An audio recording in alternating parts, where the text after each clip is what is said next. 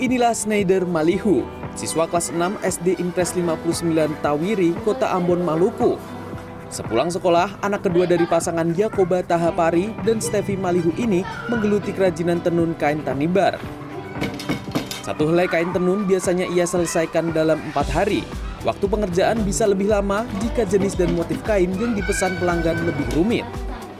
Satu helai kain tenun tanimbar dibanderol Rp750.000. Setiap bulan, siswa berusia 12 tahun ini bisa meraup keuntungan sekitar 2 hingga 3 juta rupiah.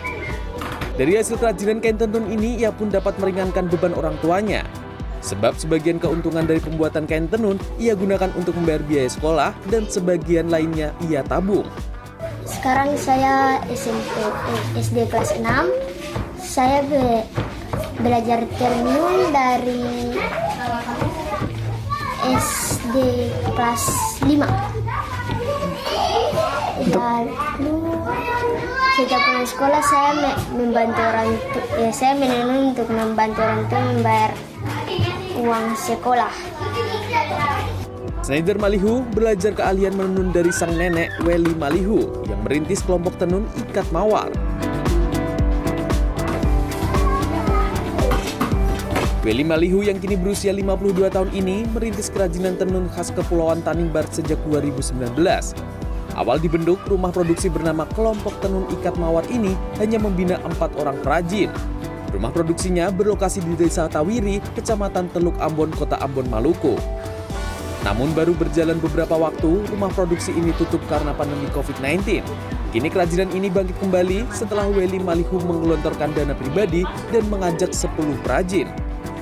Kini hasil kain tenun ia pasarkan melalui media sosial. Harga selembar kain tenun bervariasi, tergantung motif kain dan tingkat kesulitan menenun.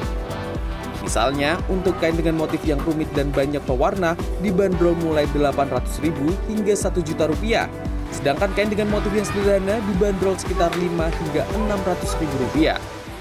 dari benang benang katun seperti sana sama benang klos jadi awalnya benang diputar dulu kemudian dibuat motif kemudian diatur di bilangan finishingnya ke sana Selain kain tenun tanimbar, Weli dan kelompoknya juga memproduksi kain motif lain seperti ayam jago dan kelapa raja dari Kabupaten Seram bagian timur. Ada pula motif amakora dari Maluku Tengah serta tahuri dan belang dari kota Ambon.